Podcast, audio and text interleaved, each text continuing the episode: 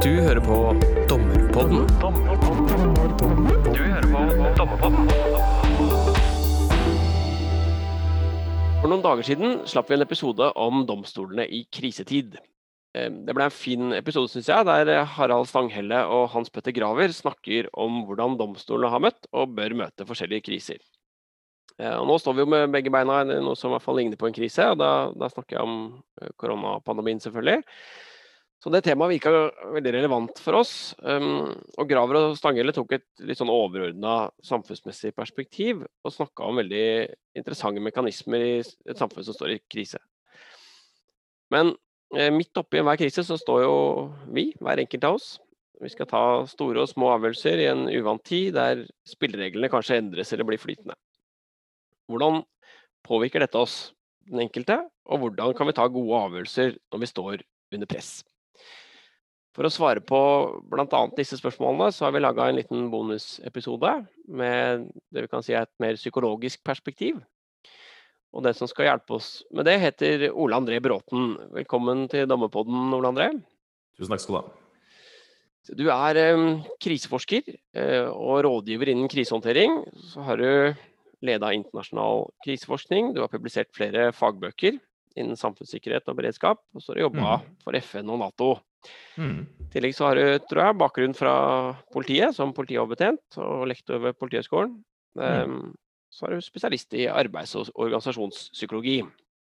Um, og jeg er ingen av de tinga, men vi har én ting til felles, Ole André, og det er at vi har eh, vår egen podkast. Og Ja. din, din heter Krisepodden. Um, så jeg vet ikke om du kan fortelle litt hva, hva handler Krisepodden om? Nei, Krisepodden, det ble egentlig Jeg satt eh, Når alt stengte så satt jeg og forberedte et eh, foredrag som jeg skulle holde på beredskapskonferansen i Stavanger. Og det handler om det med sikkerhetskultur og organisasjonskultur.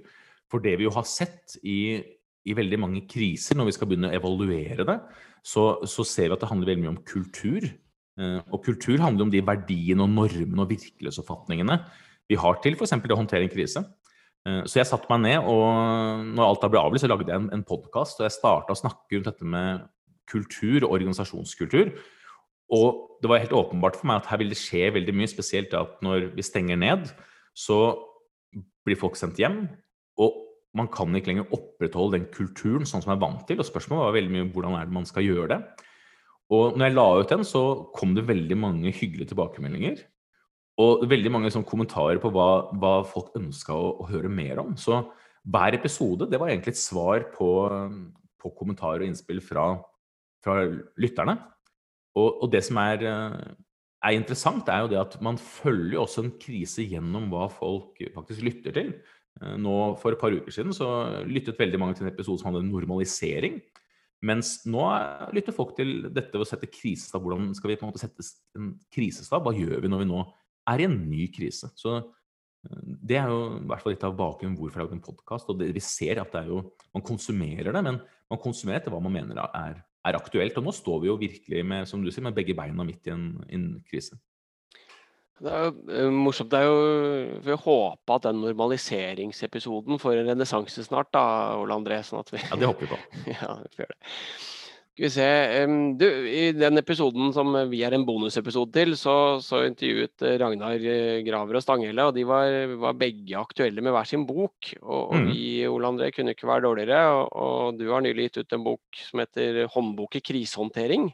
Mm. Så jeg vet ikke om du vil si litt om den boka også, ja, før vi går til liksom, eh, det vi egentlig skal snakke om, han har sagt? Det var rett og slett en, en bok som jeg begynte å jobbe med etter 22. juli. Hvor, hvor eh, jeg begynte å se på hvordan kan vi håndtere neste krise. Fordi at alle sier jo det at neste krise blir annerledes. Men det som vi i hvert fall vet, er jo det at kriser de håndteres av en organisasjon på et eller annet nivå. Og det som jeg forska på, det var jo å se på hvordan kan vi på individnivå, hvordan kan man forberede seg mentalt på å stå i en krise? Hvordan kan vi samhandle på gruppenivå? altså Hvordan kan et kriseteam jobbe sammen? Hvordan kan ledere fatte gode beslutninger?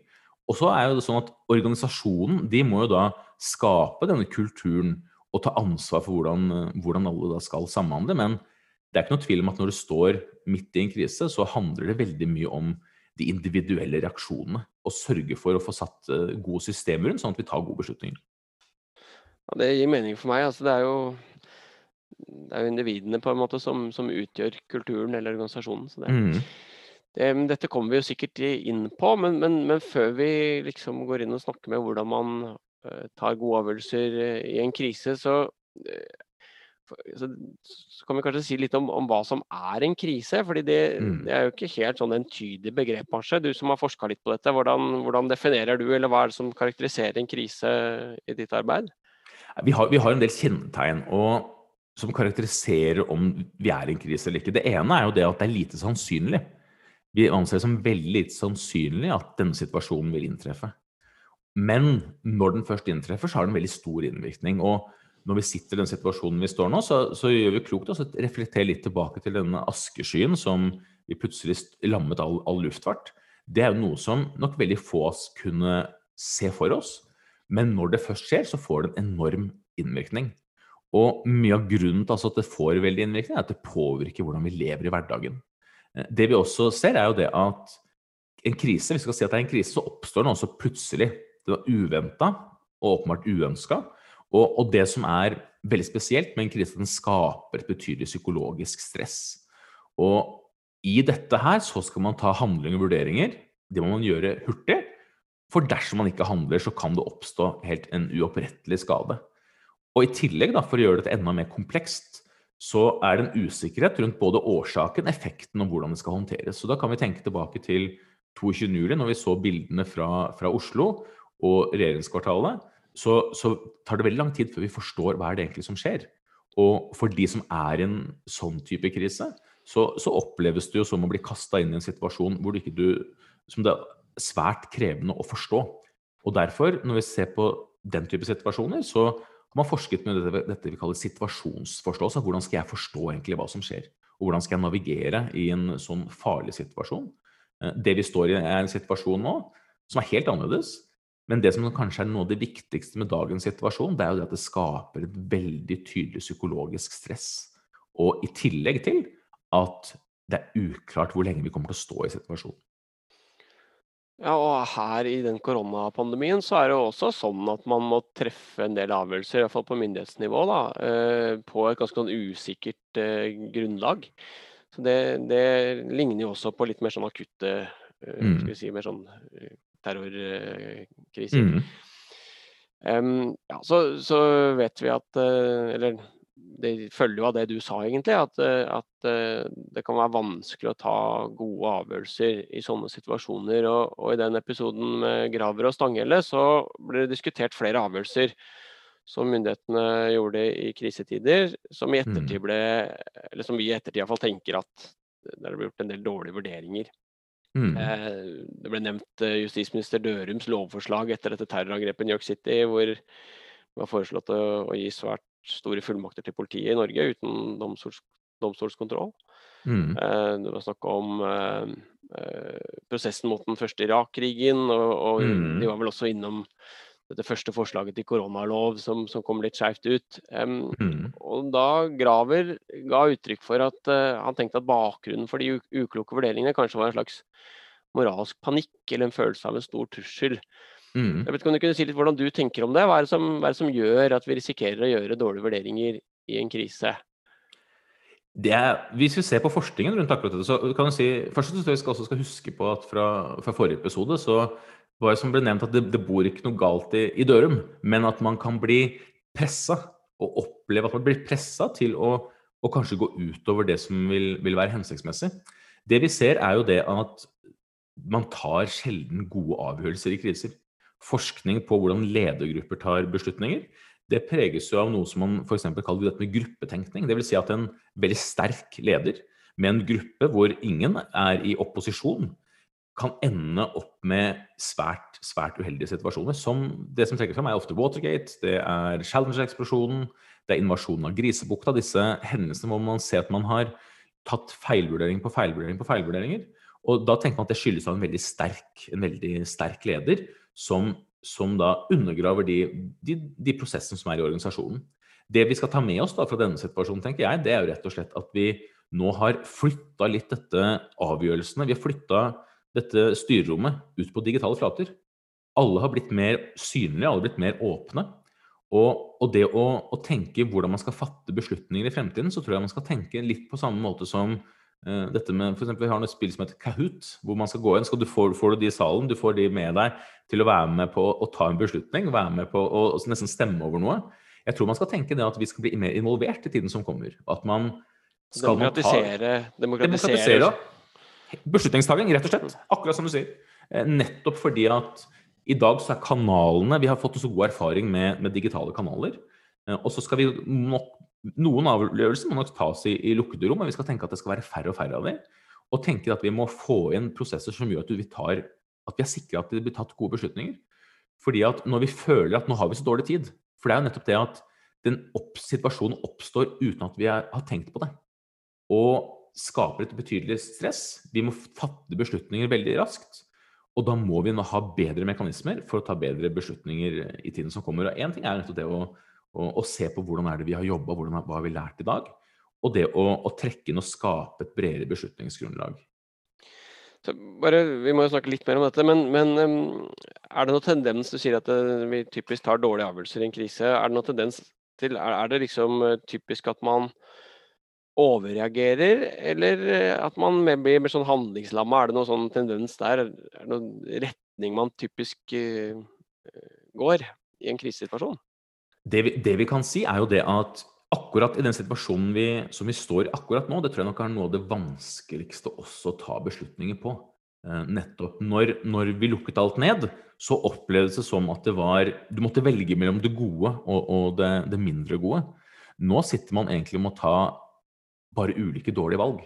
Og det er veldig, vi i hvert fall vet, at det er veldig vanskelig å fatte beslutninger når du må velge mellom flere dårlige alternativer.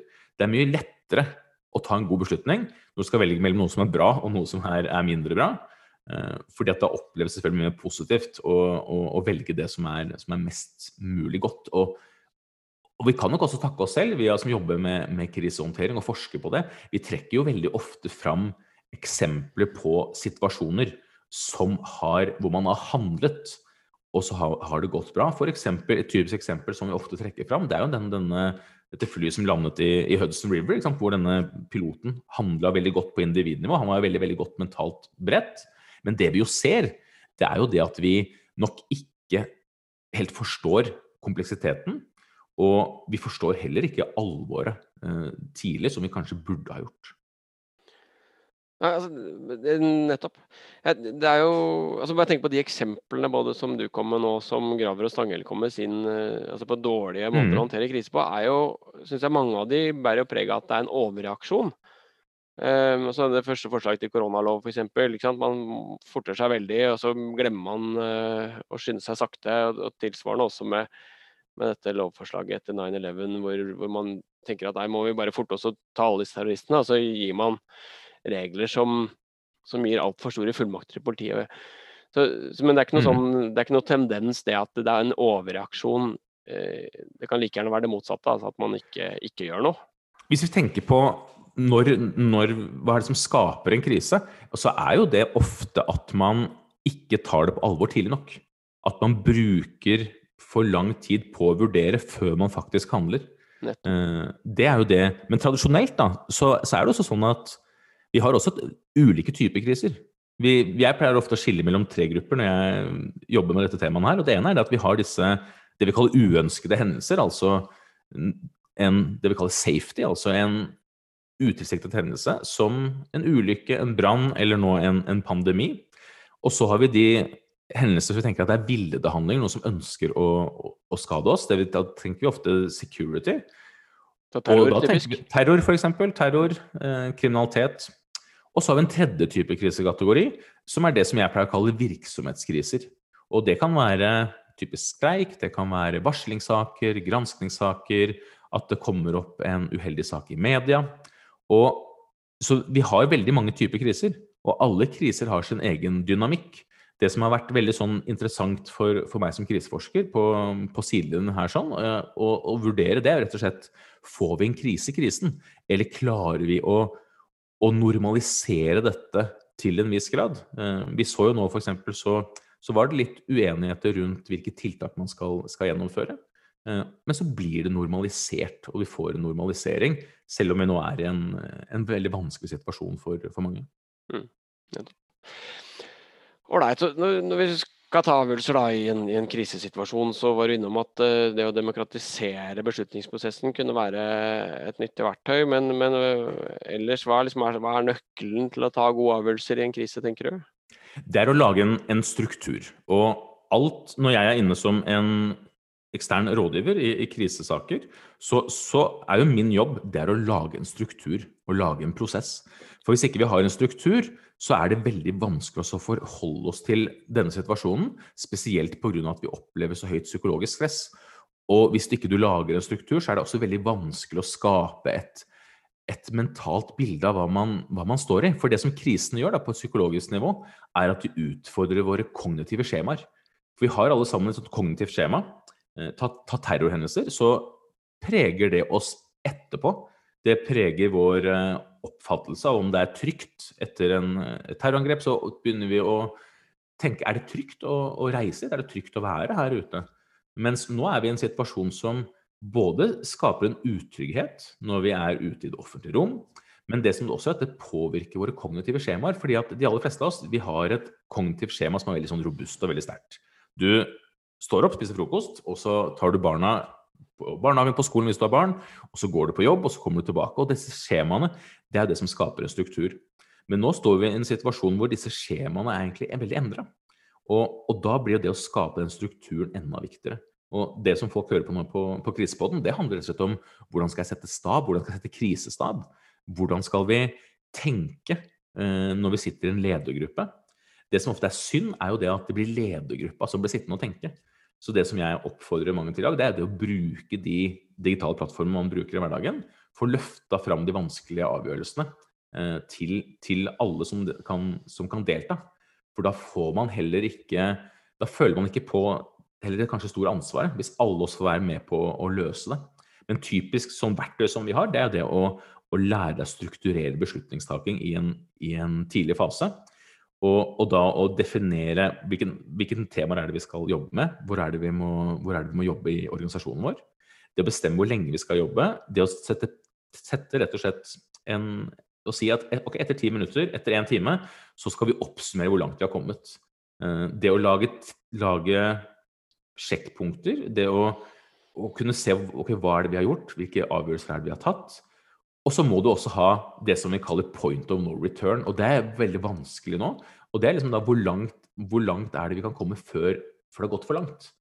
Og, og, det er det som er krevende nå i denne situasjonen her, som er mer eh, ikke er så avgrenset i tid. Vi må tenke at vi står i situasjonen nå. Kanskje vi står i situasjonen i 2021, kanskje 2022. Og det gjør jo det at disse tradisjonelle måter å tenke krisehåndtering på, sette stab, gjøre disse tingene her, vi, vi, dette krever noe av hele organisasjonen. Da. Dette er like mye en krise for den som er HR-sjef, for den som er beredskapssjef, eller for, for administrerende direktør i en organisasjon, eller i, i, et samfunn på et samfunnsperspektiv. Det som vi har muligheten til, som er jo helt fantastisk med de nye flatene våre, er jo det at du kan faktisk sette, kan kommunisere ut, eh, helt åpent ut til de ansatte, eller til, til oss som, som, bor i Norge, på en annen måte enn det man har gjort før.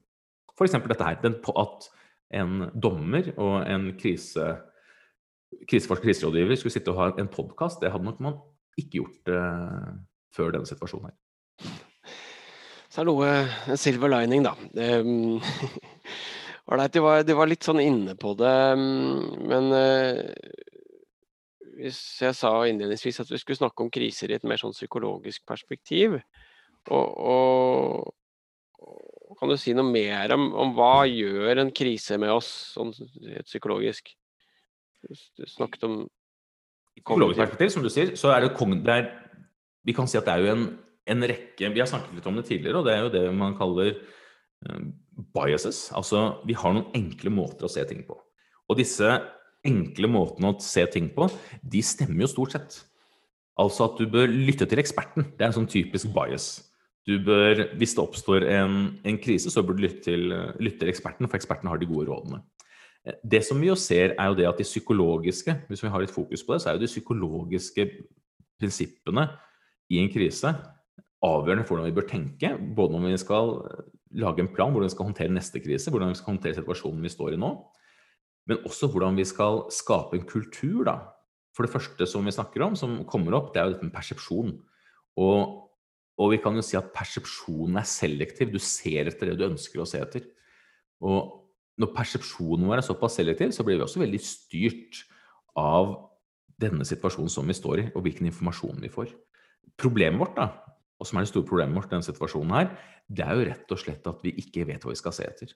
Og når vi skal fatte beslutninger, nå, så sier vi veldig ofte at du fatter beslutninger ut fra tre faktorer. Det som vi kaller tilgjengelighet, altså hva har du av tilgjengelig informasjon? Eh, hvis vi ser på krisesituasjoner, så kan vi tenke det at du kan sitte på en, et tog, så kan det komme en togulykke. Det, det skjønner vi. Men det er veldig vanskelig å f.eks. tenke at du er på en skole, så begynner noen å skyte på deg. Det ser vi er veldig veldig vanskelig fra et psykologisk perspektiv. Kjempekrevende å håndtere disse, disse, situasjonene her. Og det er fordi at det, det er vanskelig å, å, tenke at du kommer til å møte. Så derfor har man veldig mye fokus på, og hatt mye fokus på det å gjøre befolkningen forberedt på, på den type situasjoner. Tilgjengelighet altså handler om hva er det vi kan. Og noen av oss kunne mye om dette med, med smittevern og kontinuitetsplanlegging før pandemien. Og de har selvfølgelig en fordel. Det som vi også blir, eh, vi tar med oss når vi skal vurdere risiko, eller prøve å forholde oss til det, det er jo da hva er det som er Hva, hva, hva kan du om før? Representativitet. Og det første som traff meg, da, det var jo rett og slett når jeg var uh, ung og jobbet for FN i, i Sør-Libanon. Og det husker jeg at da venta vi på, på Irak-krigen nummer to. Og vi husker veldig godt at da, det var en veldig sånn usikkerhet rundt det. Når du på en måte venter på noe som er veldig sånn uklart. Og det er det nok mange som føler på nå. den Der, du, du, har kanskje ikke vært i en sånn krise tidligere. Noen har vært i det. De tar med seg en sånn følelse av det. Mens for mange andre så har du kanskje ikke noen, noen måte å navigere på. Og det siste er jo det at vi vurderer risiko ut ifra det som vi kaller psyko vår psykologiske forankring. Og når vi tenker tilbake til, til 22.07, hvor det var, en, det var midt på sommeren, det var i fellesferien, så, så, har vi noen forventninger rundt det. Og, og det vi jo merker nå Vi tenker nå nå er det snart jul. ikke sant? Disse, sist så hadde vi en, så har det vært mye tema rundt dette med det å reise på hytta, og, og det å reise på hytten og regler rundt det. Nå kommer, nå kommer, julen, og vi vil alle sammen vi vil alle sammen ha det sånn som vi har pleid å ha det. Fordi at det skaper en form for normalitet. Og, og det er nok det som kommer til å bli vanskelig på sikt. Fordi at vi, vi, vil så gjerne søke etter det som vi er vant til, fordi at det er, det, det er egentlig den eneste vi, vi, har å navigere etter, rett og slett. Men får du da en sånn forsterkning av sånne biaser? da? Altså i hvert fall sånn Confirmation bias kan man jo tenke seg at man fikk forsterket da hvis man ønsket seg et resultat veldig sterkt. Så er det lettere å, å, komme dit, på en måte, hvis du rent psykologisk. Helt riktig.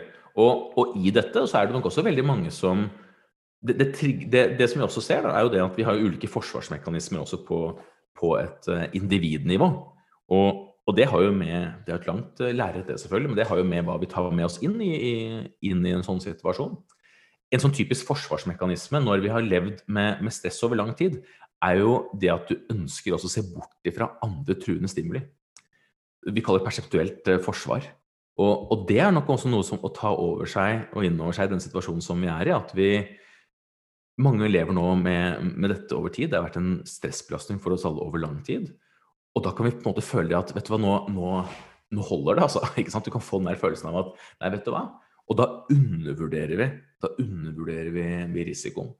Og fordi at vi ønsker ikke å forholde oss til det. Du kan tenke det at vi skal selektere personer som skal sitte på en, en radar og, og, følge med på om det kommer et, et angrep.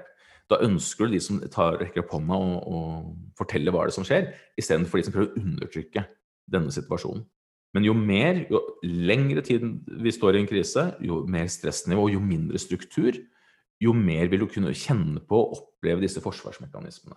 Som da at du undertrykker og ønsker å undertrykke annen negativ stimuli. Og, og, klart Den situasjonen vi står i nå, det er jo veldig godt, godt kjent fra alle som har vært i, i, Forsvaret. Jeg husker veldig godt når jeg, når jeg var ung, før vi skulle reise til utlandet, så var vi på en lang øvelse. Og når vi var ferdig, så var vi veldig fornøyd. Og så husker jeg så kom, eh, så kom eh, sjefen og sa at nå er det ut igjen. Og, og, det krever ganske mye å forberede seg på at ok, det er en ny runde. Og da husker jeg det veldig godt. Da var det ganske mange som da ikke orket å være med lenger. De ga seg. Og så var vi en del som gikk ut porten for å være med på en runde til. Og da gikk vi bare rundt leiren, og så var vi ferdig, for da hadde, man, hadde vi fått vist at vi, at vi, var med på en runde til.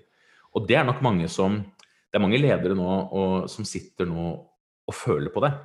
Og det har vi hatt som et scenario, veldig mye lederutvikling som vi har hatt siden, siden denne situasjonen. Nettopp det å Hva gjør du når neste bølge kommer? Hva gjør du hvis denne situasjonen her pågår enda lenger? Jeg har pleid å, å stille ledere en sånn Tre spørsmål, da. Hva gjør du nå? Vi ser for oss ulike situasjoner. Og det får man kasta fram i ulike scenarioer. Og så får du vite, skal du reflektere rundt hva gjør du nå de neste fem minuttene, hva gjør du nå de neste 15 minuttene og de neste fem dagene. Så er det veldig lett for folk å tenke hva gjør de neste fem minuttene. Og du kan også tenke hva gjør de neste 15 minuttene. Så fem dagene, det føles litt sånn trygt, fordi at da begynner du å lage en struktur. Og nå spør jeg deg hva gjør du de neste 500 dagene. Og, og det, er, det, er, krevende. Så vi må bare ta med oss alt vi kan, og så må vi i tillegg nå eh, demokratisere de beslutningsprosessene og få mer, flere med på å ta disse beslutningene.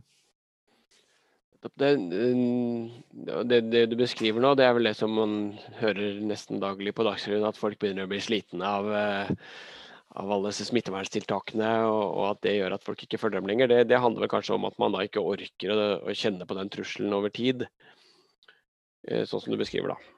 Helt riktig. fordi at over, over tid så vil du ønske å å gå tilbake til, til det normale. Og, men vi er ikke der. Og det er det, nettopp det er, det er der vi alle, vi alle, ønsker å gå tilbake til det normale. Men vi er jo ikke i nærheten av å kunne gå tilbake til en, en normal situasjon. Det er ikke så morsomt for lytterne kanskje å høre på, men jeg, jeg hadde akkurat den samme opplevelsen i, på, på befalsskolen i militæret, hvor jeg kom tilbake fra øvelse og ble sendt ut igjen og måtte gå en tur rundt eh, brakka.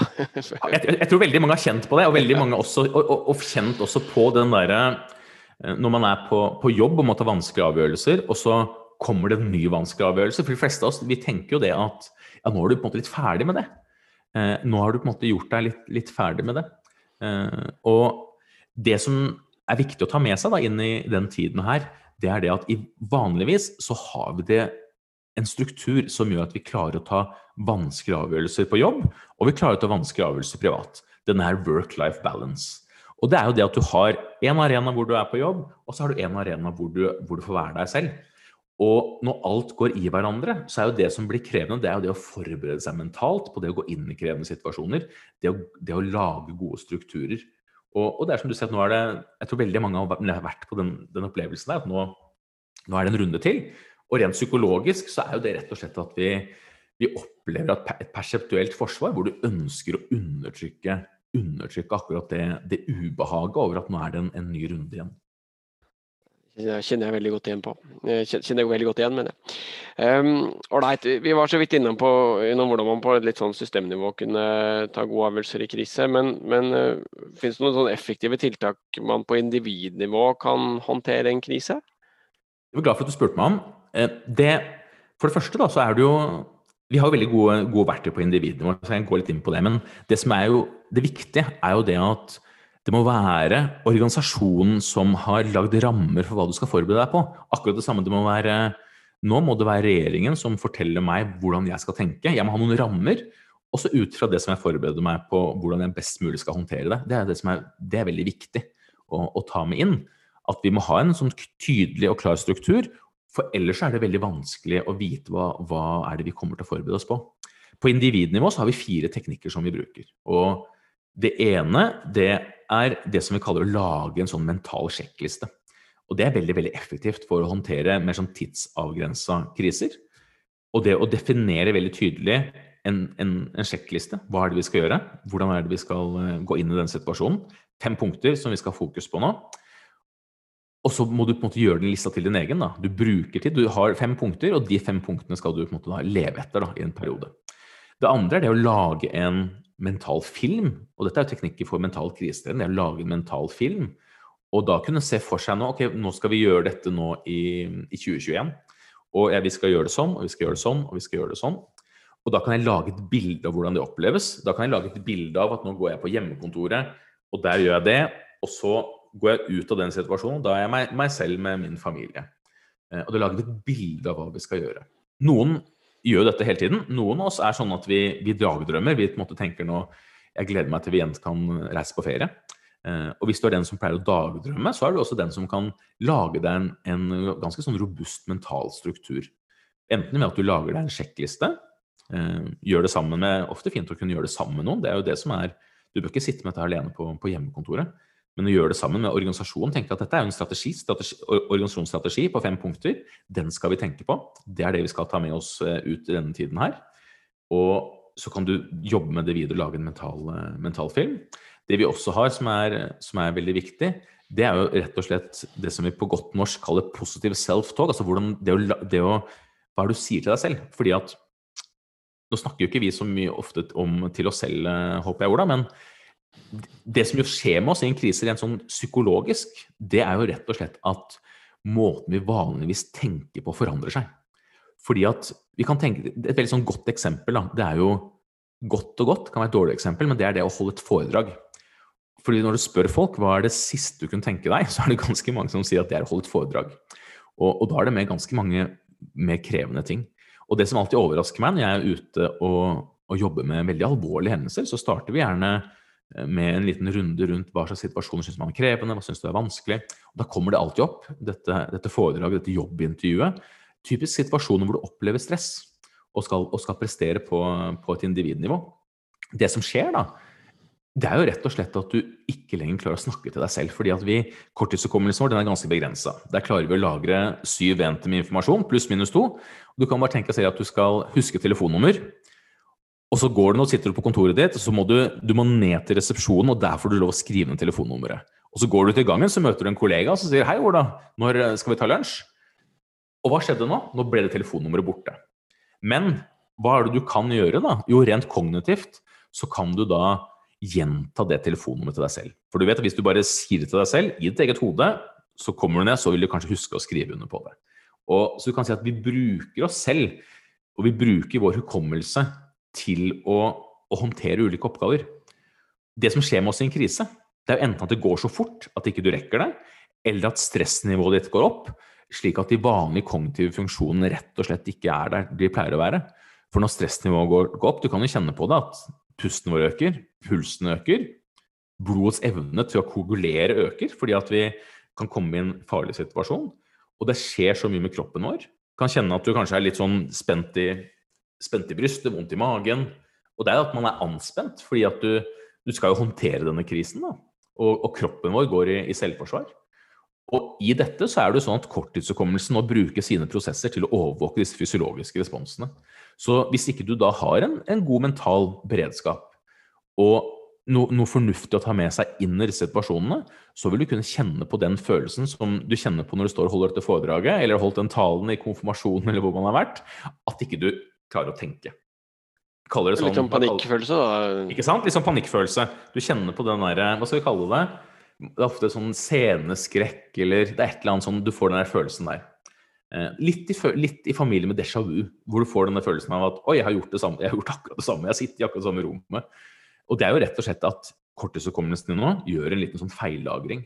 Og det er jo det man kan kjenne på i en krise. At du merker at du ikke du klarer å tenke. At du kan bli lamma. Når jeg snakker med toppledere, og har gjort det i mange år, så, og de beskriver sine reaksjoner på å være leder på strategisk nivå, organisasjonen blir ramma av en krise, så er det akkurat de samme reaksjonene jeg har hørt fra folk i første linje som blir utsatt for terror eller andre veldig alvorlige hendelser. Så det, det psykologiske elementet eh, med, med, stress, det, blir, det treffer oss. treffer oss veldig. Så dette betydelige psykologiske stresset, det, det, påvirker oss. Og hvis du da har en, det som vi kaller fokus på hva du sier til deg selv, og så kan det rett og slett da kompensere for å være i den situasjonen. Jeg har jo jobbet, i, jobbet for FN, jobbet for Nato, jobbet i mange vanskelige situasjoner. Det første jeg gjorde, var å lage meg, lage meg en mental sjekkliste. Altså hva, hva, skal jeg si til meg selv når jeg går på jobb? Eh, når du tar på deg uniformen, og så går du inn, for da har du med deg en sånn bevissthet som du bruker når korttidshukommelsen din blir, blir oppbrukt. Samme måte som idrettsutøver bør ha en, en sjekkliste. Eh, og i dag så er jo det noe som veldig mange bør gjøre, nettopp fordi at du ikke får den der balansen. Du får ikke den tiden på jobben til å kanskje forberede deg. Så det å, å reflektere rundt hvordan er det vi tenker, det å løfte opp de mer psykologiske temaene, tror jeg er veldig, veldig viktig i dag. Eh, det siste det handler jo rett og slett om å, å trene og øve. Og det er jo et godt uttrykk, 'train as you fight'. Ikke sant? Og det å, å trene og øve på, hvordan man skal håndtere ulike, ulike situasjoner. Men i dag så, så er nok det mindre fokus. Men det å løfte opp de, det av hvordan skal vi tenke, hvordan kan vi forberede oss, hvordan kan vi stå i situasjonen her? For det er jo sånn, vi to er vår, oss selv nærmest, og, og det er det, det stresset man kjenner i, i, hverdagen, og så legger vi på denne situasjonen. Eh, det, vi må passe på at ikke det påvirker oss mer enn det trenger å gjøre. Nettopp. Um, Bra så langt, eh, så bra. Det, er mulig de som hører på merker at lyden kanskje ikke er like god som den pleier å være i Dompodden. Og, og bakgrunnen for det er jo at vi, jeg og Ole André i god koronakriseånd har ringt hverandre opp på Zoom og gjør opptaket derfra. Og, og det er jo en type tilpasning som vi etter hvert begynner å bli ganske vant til. Mm. Um, men kanskje du kan si litt om det. Hvordan, hvordan, tilpasser vi oss kriser som varer over tid? Da blir vi liksom bedre til å håndtere eller stå i krisa etter hvert som vi venner oss til den? Vet du, det syns jeg er et utrolig godt, uh, godt spørsmål, Ola. Om vi kommer til å om, jeg, Vi har egentlig liten erfaring med kriser som pågår over lang tid. Uh, vi har det i situasjoner hvor vi sender ut uh, soldater til krigsområder. Vi har masse forskning om veldig mye erfaring. Men vi har ikke mye erfaring på hvordan det påvirker oss i et samfunn over, over lang tid. Eh, jeg tror dette med om vi sitter på, på Zoom eller gjør det digitalt, vi, kommer til å Jeg tror det digitale blir mye viktigere i tiden som kommer. Og vi kommer til å ha jeg tror jeg, en lavere terskel for å kunne kommunisere eh, i, i, en krise som det vi står i. Så håper jeg da at vi kommer til å bli mer åpne. At det blir mindre beslutninger i, i lukka rom. For de er kanskje ikke så veldig gode at vi får løfta opp flere beslutninger, eh, sånn at flere får også ta del i det. For nå har vi muligheten til å, å, å gå veldig langt ut av hvordan vi har tenkt på det å håndtere en krise. Da har vi tenkt at vi, er, vi må møtes i et stabsrom, vi må ha en ledergruppe, vi må ha de og de funksjonene. Når du har en, eh, kanskje en organisasjon med så utrolig mange kompetente mennesker du, Vi har i, i, samfunnet i dag utrolig mange eksperter som kan, som kan bistå i, i ulike situasjoner. Og det er litt synd, syns jeg ofte, at det er når ting går galt, det er da du setter ned en sånn granskingsgruppe med eksperter. Eh, de bør du på en måte nesten ha tilgjengelig 24-7 eh, eh, digitalt, sånn at man kan hjelpe, få en ekspertperspektivet. Og så bør det også være så åpent, på samme måte som at det er åpent hva som skjer i, i Stortinget og andre, andre, viktige arenaer, så bør det også være åpent hva som skjer rundt omkring i, i krisehåndteringsstabsrommene rundt omkring. Det var vel kanskje en av de kritikkene mot den korona, første koronaloven. At det skjedde i det skjulte og uten egentlig noe, noe, noe demokratisk kontroll. Eh, men, men, bare dette med kriser som varer over tid, så skjønner jeg at du ikke veit all verden som det. Men, men, du var jo innom det i stad at, eh, at, over tid så kanskje man vil forsøke å, å Eller at man vil undervurdere risikoen, da, fordi man blir sliten av å, av å ha beredskap hele tiden. Um, og så lurte jeg på om kanskje man kunne tenke seg altså at det får, får en eller påvirker hvordan vi treffer beslutninger. Altså jeg bare kjenner sånn For min egen del så, så er det jo mm. litt sånn slitsomt, hele denne koronagreiene. Og, og, som du snakket om også med, med det, det er mye sånn uklar grense mellom eh, privatliv og jobbliv. Og, og, og man kunne tenke seg at uh, Altså, jeg treffer jo masse avgjørelser i min jobb som, som mm. ikke har direkte å gjøre med, med, pandemien. Altså, det er jo de avgjørelsene jeg treffer også i, i mer sånn vanligere tider.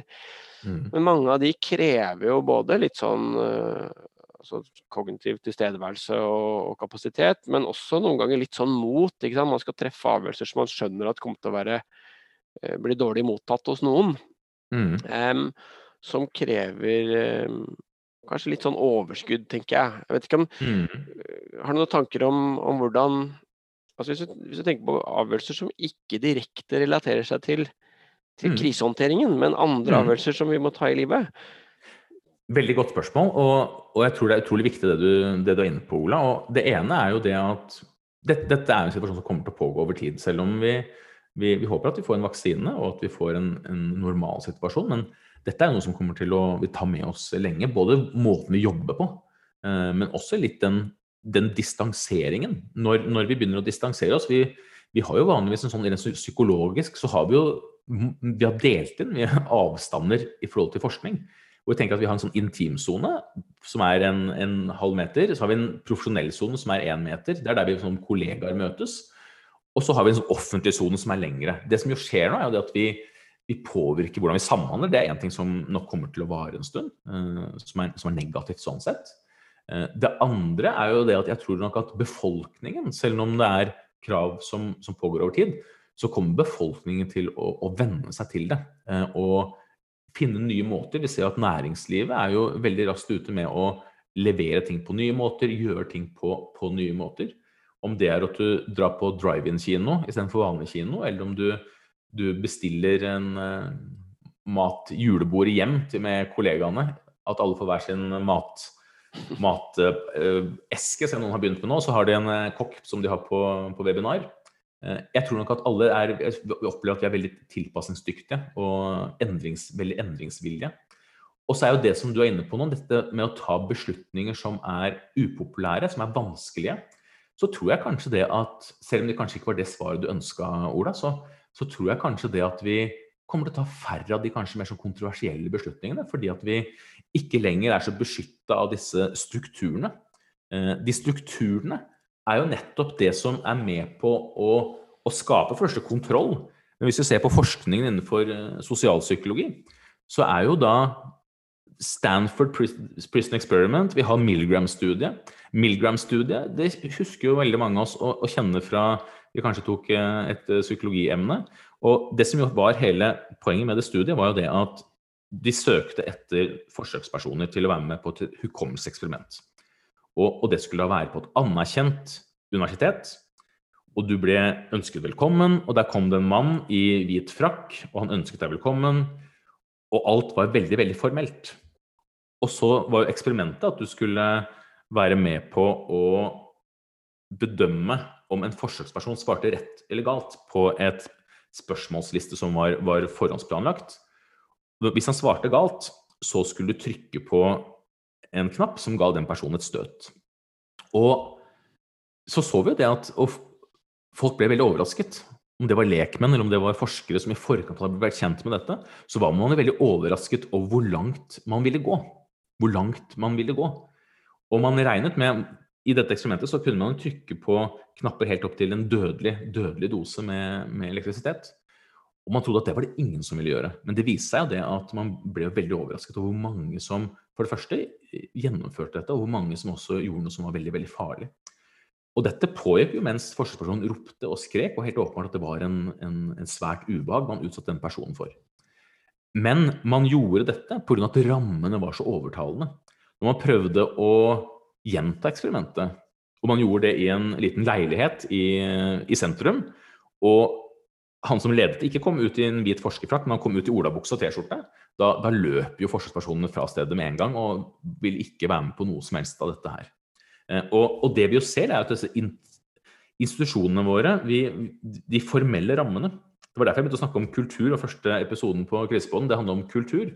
Fordi at vi er vant til at kulturen er så dypt forankra i strukturene våre, i, i bygningene våre, i disse veldig formelle rammene. Mens hva er det vi ser nå, da? Nå sitter alle på, på digitale møter hjemme på kjøkkenbordet. Og det, det, er nok en Ikke bare en prosess som er med på å gjøre at vi tar bedre avgjørelser i krise, vi kan løfte beslutninger bredere, men nok også er nok med på å påvirke også de, de eh, institusjonene. At ikke de lenger er så Vi er ikke så langt fra folk. Så det å forberede seg mentalt, det å, å ta store avgjørelser, eh, det, for vanskelige temaer, det, det, vil nok bli mer, mer, krevende, tror jeg.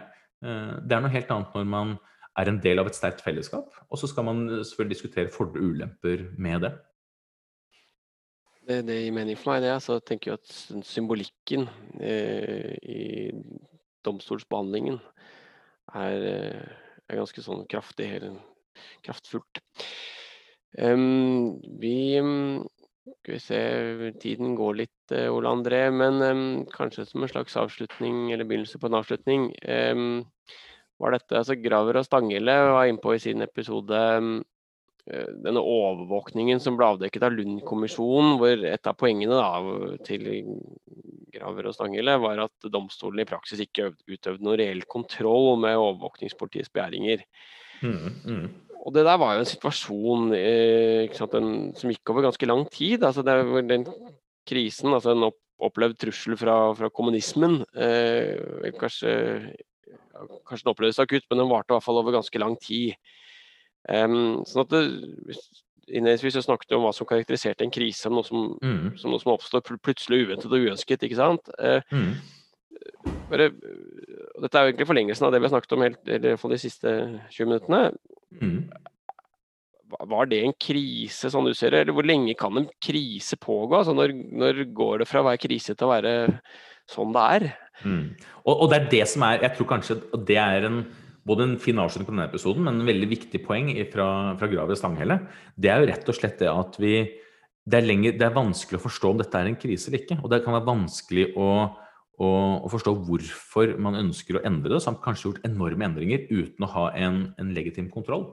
Eh, jeg tror I den situasjonen vi er i, så er det veldig viktig at for første tilsynsmyndigheter kommer raskt på banen, sånn som Arbeidstilsynet kommer inn og ser på hvordan skal vi nå ha det med, med hjemmekontor, disse enkle tingene. Eh, og det er det enkle som, har, eh, som, det er veldig mye fokus på. Det andre er akkurat det som blir tatt opp her. Nettopp det at når vi opplever nå For når alt handler om at man skal endre Vi endrer oss, vi endrer kulturen vår. Og for kulturen, hva handler det om? Det handler om verdiene våre, det. Det er mye mer det handler, Amerikanerne de pleier å si uh, It's how we do things around here. Kulturen vår det er jo mye mer komplekst. Det handler om verdiene våre. Det, det handler om normene våre. Og det handler om virkelighetsoppfatningen vår. Og så vet vi det, alle som, som jobber med dette med, med, kultur, at det er ekstremt vanskelig å endre en kultur innenfra fordi at ledelsen ønsker det, eller at noen ønsker det, eller kommer i en granskingsrapport at man må gjøre det. Men når det kommer utenfra, et åpenbart trykk på å endre en kultur, og da endrer vi egentlig verdiene våre. Vi, vi endrer normene våre, hvordan vi ser på hverandre og hvordan vi, vi ser på her demokratiske prosesser. Eh, så er det utrolig viktig da, at, at domstolene og andre har en eh, veldig tydelig funksjon. Nettopp slik at ikke vi ikke blir kasta inn i situasjoner eh, som da redefinerer egentlig hele, hele samfunnet vårt. Mm, Man må liksom, eh, noen, noen må, må, ha et kritisk blikk til de endringene som foregår, da, eller de, de nye strømningene kanskje, eller nye oppfatninger. Helt, helt, riktig, helt riktig, for ellers så, ellers så, vil det være helt umulig å, å få gå tilbake til en, en, slik situasjon vi var i før, og som du kanskje da ønsker deg tilbake til.